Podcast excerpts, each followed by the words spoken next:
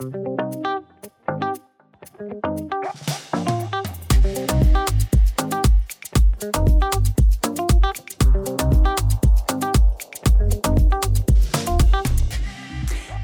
och välkommen till Stadsutvecklingspodden. Podden för dig som är intresserad av hållbar utveckling i allmänhet och hållbar stadsutveckling i synnerhet.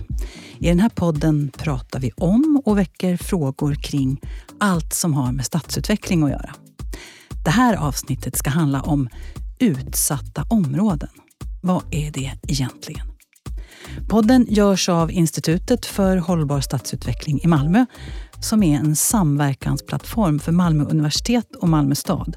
Och tanken är att forskare och de som jobbar med hållbarhetsfrågor i kommunen möts här. Byter tankar och idéer som leder till, just det, hållbar stadsutveckling. Och det är precis det den här podden också ska göra. Inspirera och möjligen väcka tankar och frågor. Och jag som leder samtalet är journalist och heter Agneta Nordin.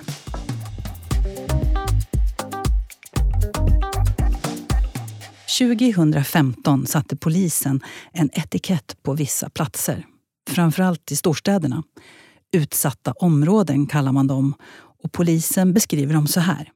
Utsatta områden är geografiskt avgränsade områden som karaktäriseras av en låg socioekonomisk status och där de kriminella har en inverkan på lokalsamhället. Några sådana här platser finns i Malmö. Nydala, Hermodsdal, Lindängen, Rosengård, Kroksbäck och Seved. Och vi hör de här namnen i samband med rapporteringen kring gängkriminalitet, grova våldsdåd och allmänt negativa beskrivningar av hur vårt samhälle fungerar. Och jag brukar ofta fundera på hur det känns för de som bor där. Majoriteten som inte är gängkriminella. Också hur det känns för de ungdomar som växer upp på de här platserna. Och hur stor är risken egentligen att fastna i klorna på kriminella gäng? Om det ska jag prata med Nicolas Lunabba, författare till boken Blir du ledsen om jag dör? och verksamhetsansvarig för organisationen Hela Malmö och dessutom hedersdoktor vid Malmö universitet. Och så Anna-Karin Ivert som är kriminolog och forskare på Malmö universitet. Välkomna! Tack, Tack så mycket. Hörni, jag skulle vilja med att vi börjar med att ringa in det där begreppet. Ett utsatt område. Vad säger forskaren? Ja, jag skulle säga att ett utsatt område kan ju betyda väldigt många olika saker. Man har ju, det som vi tänker på oftast idag är ju de områden som är på polisens lista. Det är väl det som är i dagligt tal. Men jag tänker att den här typen av listor och kategoriseringar av områden har gjorts under många år på olika sätt och av olika aktörer. Nu för några år sedan så kom ju Delegationen mot segregation, Delmos, med en annan lista som de menar är lite bredare än vad polisens lista är. För polisens lista måste vi också ha med oss hela tiden att den är ju gjord för hur de ska prioritera sina resurser. Det är det den i första hand är gjord, eh, skapad för att användas till. Sen så är det andra aktörer som har hakat på det. Men eh, när vi pratar om utsatta områden, handlar det oftast om områden med, där det finns utmaningar eh, när det är kopplat till socioekonomiska förutsättningar. Kanske låg utbildningsnivå, hög arbetslöshet och så vidare. Vad säger du Niklas? Jag håller med om att precis så eh, pratas det. Eh, det vi ofta eh, gör är att vi vänder lite på det eller omdefinierar det och, och beskriver det som politiskt eftersatta eller försummade områden. Eller ehm, eh, pratar om eh, försöker problematisera begreppet utsatt. Utsatt för vad? Och då säger vi politisk försummelse. Så. Alltså att det här är... Um, så, att, så där är det... Där är det intressant att diskutera nästan filosofiskt vad vi pratar om. Och kanske ja, för det är en tydlig markering det. Ja, det är ju det. Och vem har gjort det? Och precis som eh, du gjorde Agneta vid din beskrivning av det här så glider man ganska snabbt in på kriminalitet. Och vi i vårt arbete, vi vet att lägga för mycket fokus på kriminalitet eller förebyggande eller brottsförebyggande det bygger inte hållbarhet. Att, att hela tiden fokusera på negativa element utan vad vi istället fokuserar på det är, det är mer konstruktiva begrepp och konstruktiva, positiva, eh, lösningsfokuserade insatser som gör att eh, vi flyttar bort från det negativt laddade men det har samma effekt så att säga. För vad, det, vad får det för konsekvenser om man får en stämpel på sig att vara ett sånt här utsatt område? vad vi upplever, vad jag själv, om jag tänker på min egen ungdom och barndom, så är det lätt att man internaliserar eh, de här begreppen. Eh, jag, har, jag skrev, som du nämnde, en bok om en, där jag följde en pojke väldigt nära i två år som växte upp i ett sånt här område. Och det var så tydligt att, att han gick till exempel på Sveriges sämsta skola, som Expressen kallade den skola han gick på. Och han, eh, han såg ut på ett visst sätt, han hade en viss bakgrund, han kom från ett av de här områdena. På alla sätt så förstod han att, han, att det betydde att han inte var önskvärd. Han kände sig mindre värd och sen försökte han gardera sig mot det. Och hur gör man det när man är barn? Så att eh, det, det, det, det leder såklart till ett stigma. Särskilt om vi inte problematiserar det och vänder begreppet och börjar prata om verkliga maktförhållanden. Eh, då blir det för oss både mer konstruktivt och mer intressant. Men jag skulle tillägga det också, för kring, just som du säger, kring det här med utsatta områden. Vi pratar ofta att vi kategoriserar dem kanske utifrån människorna som bor där. Mm. Men det handlar ju, precis som du säger, minst lika mycket om vilka resurser finns i de här områdena utifrån. Mm. Finns det en väl fungerande skola, förskola, hälso och sjukvården, hur ser det ut och så vidare. Generellt, hur, hur hanterar vi området? Ser det ut som det är ett område som staden satsar pengar på? Är allmänna jag tänkte på prioritering, tänkte jag, eller prioriteringar. Mm. Eh, för, för, det är klart att etiketterar man någonting som sämst mm. så är det ju inte så att en vårdcentral kanske nödvändigtvis är intresserad heller av att etablera mm. sig i ett mm. område som har den stämpeln. Ja, det handlar också om hur man rekryterar personal till den verksamhet som finns där och så vidare. Mm. Hur kan man bryta den här liksom förväntade eh, sämsta stämpeln? Helt klart så är det genom eh, reformer och politik. Vad de här områdena definieras av det är ju att eh, det etablerade samhället har abdikerat från områdena. Vi har gett upp på de här områdena och människorna som bor där i väldigt hög utsträckning. Och det kan vi inte göra utan då måste vi vända den eh, utvecklingen. Och sen i, i, större grad så ser vi att, att eh, makt, rikedom och resurser koncentreras allt mer till, en, till den rikare delen av befolkningen. Så att vi lever i ett allt mer i ett samhälle där klyftorna ökar och ojämlikheten ökar. Och det får konsekvenser, inte minst för det vi pratar om här, känslan av egenvärde eller eh, status. Vi, vi har skapat ett statussamhälle och det måste vi bryta. Men och då är frågan, så att på något sätt vet vi att det är det vi behöver göra. Vi vet det på global nivå. Vi har antecknat tusen och en dokument känns det som. Från barnkonventionen. I Malmö har vi Malmökommissionens rapport som kommunicerar samma sak som vi, eller som jag eh, menar då. Vi har um, Eh, Agenda 2030 och så vidare. Det är en tydlig prioriteringsordning som motverkar, skulle jag säga, det vi ser i de här områdena. Men vad vi ser från vårt perspektiv som civilsamhällsaktör det är att det duger inte längre bara att vifta med de här dokumenten eller skrika på makthavare. Utan vad vi behöver göra är det som egentligen ledde till eh, Sveriges demokratisering. Det vill säga, säga vi behöver mobilisera folk. Vi behöver organisera oss i områdena och vi har dragit slutsatsen att vi i princip behöver etablera det vi kallar sociala infrastrukturer. Det vill säga bygga upp det skydds och säkerhetssystem som som inte finns där eller så, ta kontroll över de aspekterna. Gör vi det, är min erfarenhet, då, då uppstår också en, en sund konkurrens eller makten möter motmakt. Och då kan vi se förändring också, mm. men inte annars. Är det här någonting som ni inom forskningen tittar på? För jag tänker att det du säger, vi känner till det här och vi vet också att det finns mängder av forskningsrapporter i alla olika, från alla olika ingångar. Eh, alltså nu, nu, har jag ju mitt eh, perspektiv från, från kriminologin och där pratar man ganska mycket om kring ett begrepp som kallas för kollektiv styrka eller kollektiv förmåga. Så jag tänker kanske lite angränsa till det du säger. Fast det handlar mycket om att de som bor i ett område måste liksom skapa strukturer som fungerar kring ett... Man är överens om vilken typ av samhälle man vill ha och man har också förmågan att upprätthålla de här reglerna och normerna som man har utformat för sitt område. Men samtidigt tänker jag också att det är viktigt att man inte lägger hela ansvaret bara på de som bor där. Utan det behövs också ett samhälle som faktiskt går in och skapar förutsättningar för att de boende ska kunna bygga upp de här normerna och också kanske våga ingripa, våga agera på olika sätt i olika situationer. Ja, för jag tänker det är svårt om man känner sig som sämst att liksom mobilisera de här krafterna. Eh, men det är ju klart, det är ju en politisk fråga och inte en, en fråga för en forskare. Men, men ni kan ju sätta press på Eh, politiken till exempel tillsammans med civilsamhällsorganisationer. Ja, absolut. Och jag tänker framförallt om vi går tillbaka till det du sa, hur, hur känns det att bo i det här området och alltid vara sämst? Att det som är väldigt, väldigt viktigt att komma ihåg i den här debatten är att, som ni var inne på, att de allra flesta människor som bor där begår absolut inga brott överhuvudtaget. Att man är inte Det är den som blir den konstiga kopplingen. att Som du säger, vi kommer ramla lätt in på kriminalitet hela tiden. Och det är kanske inte det som faktiskt är det största problemet för de flesta människor som bor här. I alla fall inte deras egen kriminalitet utan snarare att de exponeras för kriminalitet av andra individer kanske. Men när man pratar om det på det här sättet, framförallt kanske i relation till polisens lista som handlar mycket om brottslighet, så, så blir det lätt så. Men det är också viktigt att tänka att problemet med att man kanske hänvisar så mycket till polisens lista över utsatta områden är ju att det är inte en lista Alltså den är inte skapad för att vi ska kategorisera olika områden gemene man utan den är ju skapad för hur polisen tänker att de ska arbeta. De tänker att vi behöver lägga mest resurser i just de här områdena för där ser vi ett behov av det. Det behöver inte betyda att det är samma områden som kommunen ska satsa i. Det skulle lika gärna kunna vara ett, ett annat område. Mm. Om vi bara håller kvar vid det här vid kriminaliteten ett litet tag. Eh, då konstaterar vi att de allra flesta är ju inte kriminella. Men vad är det som, vad, liksom, vad är det som tippar över? När, eh, när blir man, eller den, en person, kriminell? Du blir ju inte kriminell för att du bor i ett utsatt område. Helt enkelt, för då skulle de flesta som bor där vara kriminella. Det är de absolut inte. Så det måste vara någonting annat. Däremot kanske när du växer upp i den här typen av område så kanske du exponeras för fler miljöer där det förekommer kriminalitet.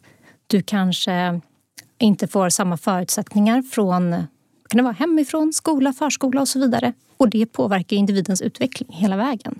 Och så det är inte så att det, kan säga att det här är det som tippar över ifall vi har ligger vi på den här nivån av utsatthet, då kommer folk bli kriminella. Det är helt ett samspel mellan individen och individens egenskaper och hur det ser ut i miljön runt omkring. Mm. Då tänker jag på dig Nicola som arbetar med, med ungdomar i de här utsatta områdena. Hur kan ni stötta och peppa och få tag i de här ungdomarna så att de inte liksom faller in i de här gapen? Mm. Jag vill eh, ytterligare också nämna att man glider in ofta nu, för nu ska vi prata om utsatta områden, men vi kommer väldigt snabbt in på hur man motverkar kriminalitet. Så att, och det gör vi ofta och inte minst kanske just för att det är polisen som har definierat det här. Då behöver det omdefinieras, det vill säga behov och metoder och så för hur vi eh, skapar eh, förutsättningar för att människor ska kunna leva mer full, liksom, fullgoda liv om jag utgår ifrån mina erfarenheter av att ha arbetat i de här områdena i 20 år, så är det just det som krävs. Alltså många av de som bor i områdena de har full koll på vad de berövas. Full koll på hur det pratas om dem, att de aldrig får, själva får prata. Lite som i den här podden. Alltså just nu, vårt samtal här. Vi, vi, jag bor inte, jag är uppväxt i ett miljonprogramsområde, kommer från liksom den typen av eh, ja, jag har de erfarenheterna med mig och jag har bott där också i, i, i vuxen ålder. Men väldigt sällan i media eller i andra sammanhang så kommer människor som bor i områdena till tals. Så att jag ser, ska också säga att jag ser mycket min roll inom organisationen som någon sorts både eh, närmast berörd med egna erfarenheter men också allierad jag har en skyldighet att prata om de här frågorna som, som mer än någonting annat strukturella. Och det ligger politiska beslut bakom. Konkret vad vi gör för att skapa bättre förhållanden för unga människor eh, och det är också någonting vi har stulit kan man säga här från kriminologin. Det är att vi ser vad som händer när unga människor berövas flera sammanhang. Eh, en, en frisk och trygg individ har ofta flera sammanhang att röra sig mellan. Det kan vara liksom morföräldrarna, föräldrarna, skolan, fritidsverksamheter och även i lokalsamhället. Men en otrygg individ eh, har ofta väldigt få sådana. Så vad vi jobbar med i områdena det är att erbjuda flera sammanhang, flera skyddsfaktorer så att eh, de inte dras in i det destruktiva. Men där är jag tillbaka till det jag pratade om tidigare, att inte fokusera på mot brottslighet eller anti någonting, utan snarare tvärtom. Vad kan vi göra här som vi mår bra av? Den frågan är central. Kanon! Då vänder vi på den kuttingen då och så säger vi att eh, okej, okay, men vi tittar på, du säger att man ska ge kraft och man ska ge människor möjlighet att själva med och påverka. Förlåt Agneta, jag måste jag måste bara säga, inte ge, utan min tro är att människor tar detta. Alltså att friheten är något vi behöver ta och tillsammans förstå hur vi har blivit eh, felfördelade. Det, det är centralt i det här arbetet. Att vi, vi sa, vi citerar ofta Martin Luther King, eh, där han i princip pratar om att vi kan inte vänta på en förändring som vi inte ser komma. Eh, den är central för det, för det leder till någon sorts agens. Det gör att, att människor känner en, en känsla av egenmakt och vi bygger detta. Och det ger och vi värdighet. tar tillbaka makten. Ja. Vad säger Anna-Karin Nej, men det jag säger att det, det jag tänker att mitt infallsvinkel blir kriminaliteten är ju för att det är därifrån jag kommer. Men det du pratar om väldigt mycket handlar om det här breda som ska mm. gynna alla och som inte faktiskt inte är direkt brottsförebyggande på något mm. sätt. Utan det, ja. det är sånt som ska gynna andra. Och det tänker jag det är det som är hela grunden i allt. Det mm. främjande arbetet. Vi ska skapa goda förutsättningar mm. för barn och unga att växa upp. Mm. Sen kommer barn och ungdomar ha vissa, vissa individer kommer vara mer sårbara än andra. Mm. Och de måste då finnas resurser för att gå in och göra någonting extra för. Och det är ju jätte, jätteviktigt. Och det tänker att vi... Mm. Att, och det kan vi väl enas om att mm. det ger man ju också möjligheter att mm. skapa. Även mm. om det är klart så att man ska ta... Ja, såklart. såklart. Ja. Och där har ju vi som civilsamhälle, vi har ju tagit på oss det ansvaret att etablera det vi kallar konstruktiva parallellsamhällen, mest för att mm. provocera, eller etablerandet av sociala infrastrukturer mm. som jag sa innan. Eh, och helt klart är det så att friskt samhälle ser ju också, vi, vi, vi skapar så goda förutsättningar, vi prioriterar de som är de mest sårbara grupperna och sen så är det folk som av olika anledningar, oavsett vad, kommer mm. tippa och då måste resurserna finnas där tidigt Exakt. för att gå in. Men det här jag bara bara menar att, att det här samtalet vi för, där vi behöver bestämma oss, är det liksom att bekämpa kriminalitet som är samtalet om utsatta områden eller hur de har skapats och hur vi skapar någonting bättre. För det är det jag menar, man faller ofta in och sen, precis som vi konstaterar här, så finns det ju en massa saker vi kan göra. Du lyssnar på Stadsutvecklingspodden. Idag om så kallade utsatta områden med Nicolas Lunabba, verksamhetsansvarig för organisationen Hela Malmö och Anna-Karin Ivert som är kriminolog och forskare på Malmö universitet. Och då tänker jag Nicolas, de här goda, eh, goda idéerna, det som, som då förändrar. Mm. Ge några exempel på, ja men så här, så här har vi gjort, det här blev bra. Um, Ja, två saker kan man säga. Det ena är att, att inte gå in med punktinsatser eller som den här staden har lidit av i decennier, projektismen. Projekt.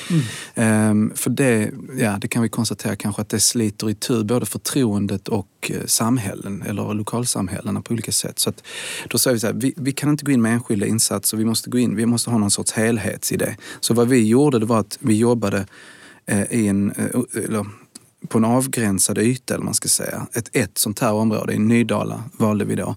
Och det gjorde vi en, eh, dels så var vi är vi människor från den typen av område eller liksom, eh, från det området specifikt? Och så gjorde vi en kartläggning av eh, vad är det vi behöver göra här? Vad är det som är viktigast för lokalbefolkningen? Och vi jobb, har ju tidigare jobbat med barn och unga mest, men där identifierade vi tydligt att här finns eh, liksom en stor andel seniorer som, är, som också lever i, i, liksom, i ekonomisk utsatthet och social utsatthet. Så att ska vi få ihop här, ska vi bygga, så, så kom vi fram till att det, det är barn och unga, seniorer och föräldrar vi behöver fokusera på. Och då, då tog vi fram ungefär 60 punkter som vi skulle kunna fokusera på. Vi eh, ingick ett väldigt konstruktivt samarbete med MKB Alltså eh, kommunala, Malmö kommunala bostadsbolag. Mm. Och sen så tog vi över lokaler på 1000 kvadratmeter, 17 rum, där vi anpassade det vi hade identifierat och, och byggde in det. Alltså olika mm. verksamheter mm. Exakt, utifrån okay. de här behoven. Och då så såg vi att vi kunde jobba med ungefär 30, i alla fall i någon utsträckning. Men de övriga 30 hade vi inte resurserna eller kompetensen att jobba med. Och där eh, hände något väldigt spännande, för då kunde vi se ja, ungdomsmottagningen behöver komma tillbaka till området, så då byggde vi in det på något sätt, ingick i samarbete där vidare. Vi byggde ett bibliotek, eh, ingick samarbete med universitetet och så vidare. Och sen införde vi rent konkret tre måltider om dagen. Frukost, mellanmål, kvällsmål. Frukosten var öppen för alla. Och den har visat sig är helt avgörande för väldigt många att komma till. Det är både av ekonomiska och sociala skäl. Eh, och då kunde vi också säga att ett år senare, ett år efter att vi hade implementerat den här infrastrukturen, om man ska kalla det, då hade tryggheten i området ökat med nästan 8 procent. Mm. Och jag tänker att det du säger är väldigt viktigt i det här. För ni gör väldigt många olika, ni hade ja, 30 eller 60 punkter eller vad ni jobbar med. Mm. Och jag tycker att det är väldigt viktigt att säga att ert fokus är inte kriminalitet eller brottsförebyggande eller någonting. Utan att det är det här bredare fokuset. För det mm. tänker jag ofta blir problemet annars. Att man, säger, man gör insatser som att ge frukost och säger man att det här mm. gör vi för att förebygga brottslighet. Mm.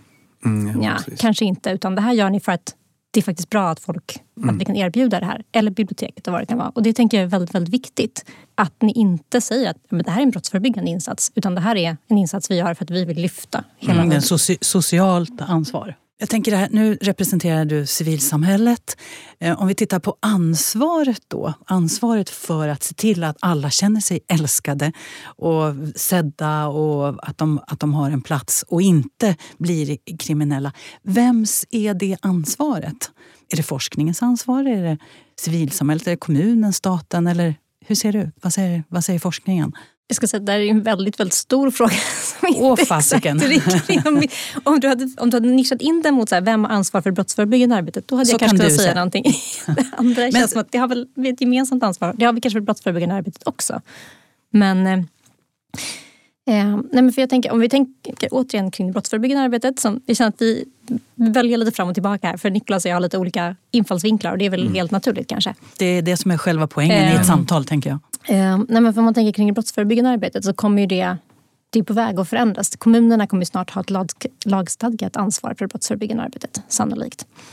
Vilket innebär att många kommuner kanske inte behöver arbeta, förändra sitt arbetssätt överhuvudtaget för de jobbar redan med brottsförebyggande insatser. Andra kommuner kommer få ett mycket större, större ansvar. Sen har ju självklart rättsväsendet roll i det här men de kommer in ganska sent. De har inte samma förutsättningar som kanske en kommun har. Att börja jobba tidigt med det här mer främjande arbetet. Men jag menar, Men nu, sen nu, samtidigt- skriker, nu skriker ju alla, eller många, på med högre, mer repression, ta tag i med hårdhandskarna och liksom sug tag i de som är de så kallade problemen tidigt. Ja men precis, och ska man kunna ta tag med problemen tidigt då kan vi inte bara satsa massor med pengar på rättsväsendet. Då måste vi också satsa pengar på kommunal verksamhet. Vi måste satsa pengar i, vi måste se, satsa pengar i och se vad civilsamhället kan göra som är en superviktig aktör. Och också det privata näringslivet har ju också en roll att spela i det här.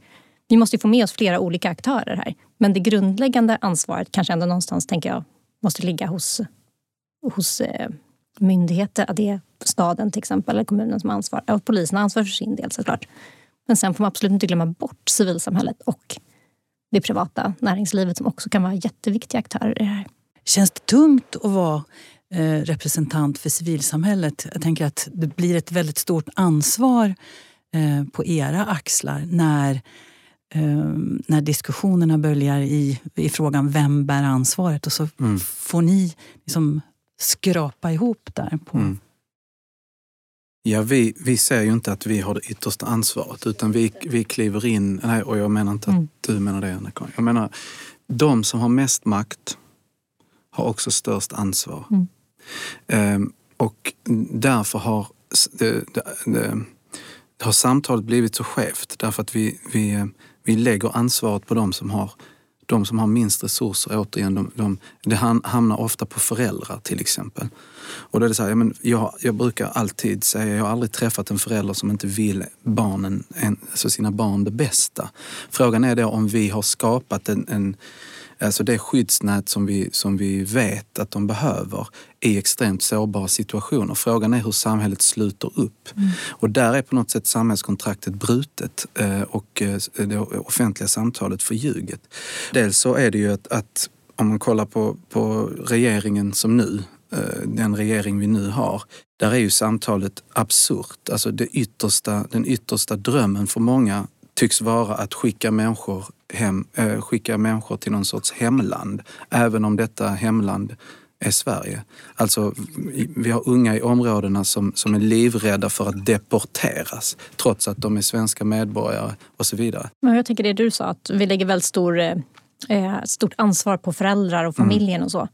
Och det är så, familjen och föräldrar är jätteviktiga socialisationsagenter för att barn ska få en positiv utveckling. Men vi måste ju också stötta föräldrar, stötta familjer och olika föräldrar kommer ha olika stort behov av det här. Och det är ju jätteviktigt att samhället då kan bidra och tillhandahålla de resurser som krävs för att bli en bra förälder. Och det är, för det är inte säkert att alla, eller alla har ju inte samma förutsättningar, självklart, på många olika sätt. Hur skulle man kunna förbättra den här samverkan då? Tänker jag. Jag tänker att, ehm, att det är viktigt att man först kanske funderar över vilken aktör har ansvar för vilken del i det här arbetet. Vad kan vi förvänta oss av vem? Vad ska familjen göra? Vad ska socialtjänsten göra? Vad ska polisen göra? Vad ska skolan göra? Och så vidare. Så vi är överens om rollfördelningen i det här. Sen också att man är överens om vad är målet med det här? Vad är det vi vill uppnå? Så att vi inte vill uppnå olika saker för då kanske vi också kommer jobba, hamna lite skevt i det här. Att vi måste vara överens om vad är målet för vårt arbete? Är det för att vi vill att det ska gå bättre i skolan? Eller vill det att vi ska har vi ett större mål? Ska vi minska fattigdomen? Ska vi, vad är målsättningen för just den här samverkan? Att det tror jag är väldigt viktigt att man är överens om det. Alltså per samverkans, eh, ursäkta, projekt då igen, eller samverkansinsats. Alltså ibland, eller ganska ofta, så får vi ju, en, i alla fall jag, en känsla av att allting bara blir så jäkla mycket sämre hela tiden. Och allting går dåligt. Skolresultaten är dåliga. Alla, mm, mm, eller många mår dåligt. Är det, är det så? Eller vad, ser ni, vad säger du Nicolas? Finns det några ljusningar? Det finns absolut ljusningar. Jag tror att just, eh, eller den största ljusningen ska jag säga, den ser jag Eh, bland människor, inte minst unga människor som själva känner att de tar kontroll över tillvaron. Och just det här att folk eh, har fått nog av, eh, av det här. Samtidigt så ser vi att varför mår folk sämre?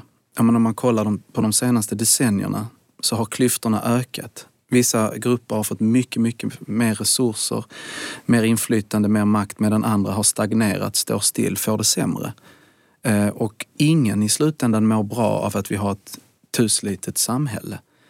Så att, och då, för, då blir det också konsekvensen. Sen kan man också säga att, att den etab, eller vad ska man säga, de etablerade pol, pol, partierna. Jag kommer ihåg när jag, det var som om jag fick ett kvitto på, på det jag hade känt under många år under, den, under valrörelsen där, där jag tyckte mig se att antingen så förhöll sig de politiska partierna helt och hållet åt, åt det här liksom, hårdare tag, eh, liksom SD om jag ska vara rent konkret, SDs liksom, politik och, och retorik. Antingen så, så, som när sossarna plötsligt säger, ja men Somaliland, sådana ska vi inte ha i Sverige. Tills sossarna ungefär upptäckte, vad fan, somalierna är några av de invandrargrupper som röstar mest och har varit oss mest lojala. Men för att vinna över SDs väljare så valde man en viss retorik. Så att där tyckte jag att man anpassade sig på ett visst sätt eller så stelnade man i någon sorts okay, men hur ska vi för? Alltså, självförtroendet rann av dem. Så när jag då kollade på hela det politiska startfältet under eh, valrörelsen, då, då fick jag en bekräftelse att fan, det är här vi är. Och det är inte konstigt då att folk känner politisk depression, att folk, för att, för att vi är inte, många känner sig inte representerade i det här. Och därför, så tillbaka till ljusningen, då finns det en stor kraft i att förstå detta intelligent, eller ha en, ha en ha ett nyktert sätt att se på detta och säga, nej men vi, jag känner inte mig representerad, då behöver jag ta kontroll över detta på ett annat sätt. Mm. Där ser jag det stora hoppet. Och det vet vi också historiskt att det är det som har förändrat de stora, alltså reformerna har kommit genom att folk gör någonting Faktiskt tillsammans. får nog och reser sig. Ja. Vad säger du Anna-Karin? Ljuset? Jag tycker absolut att det där låter definitivt någonting som skulle kunna vara ett ljus. För det som jag kan uppleva är ett problem att många av de rösterna som hörs väldigt mycket i samhället, kanske de som tillhör mer privilegierade grupper i samhället, mm. de verkar ha en väldigt tydlig bild av att allting bara blir värre och värre och värre. Mm. Utan att det faktiskt finns så mycket siffror som talar för att allting mm. blir värre och värre och värre. Framför allt inte för de Nej, grupperna kanske. Och det är jätteintressant. Om man, liksom, om man tittar på brottslighet så finns det inte det finns inga jättetydliga trender att brottslighet generellt ökar jättemycket misshandel går lite upp och ner. Och Nej, jag tror till och med att Brottsförebyggande rådets siffror talar i precis motsatt ja, riktning. Men det som mm. syns är ju att det dödliga, det grova dödliga våldet, det har, mot unga män, mm. det har ökat. Men ljuset, tänker jag? Det, ljuset är väl att det faktiskt inte blir så mycket värre. Men vi mm. måste också försöka få få fler i samhället att se att det faktiskt inte är så att vi lever ett, Många människor lever i ett väldigt privilegierat samhälle och det finns väldigt goda förutsättningar här. Men sen så mm. måste man också se kanske att alla inte har de förutsättningarna. Mm. Och hur ska vi det kanske är där vi ska prioritera. Liksom. Och ta tillbaka den synen då. Ja. Hörrni, jag tycker det låter väldigt hoppfullt. Och faktum är att eh, det går fort när man har roligt. Det vill säga sitter och pratar om de här viktiga, stora frågorna. Så vi behöver dra ett streck där. Men jag vill hålla fast i det där att det faktiskt eh, finns en ljus känsla i att vi kan göra det tillsammans. Mm. Ska vi skriva under på det? Det tycker jag. Absolut. Tack så hemskt mycket Nicolas Lunabba, organisationen Hela Malmö och dessutom hedersdoktor på Malmö universitet. Och så Anna-Karin Ivert som är kriminolog och forskare på Malmö universitet. Stadsutvecklingspodden görs av Institutet för hållbar stadsutveckling i Malmö. Och det är produktionsbolaget Umami som producerar. Och jag som leder samtalen är journalist och heter Agneta Nordin.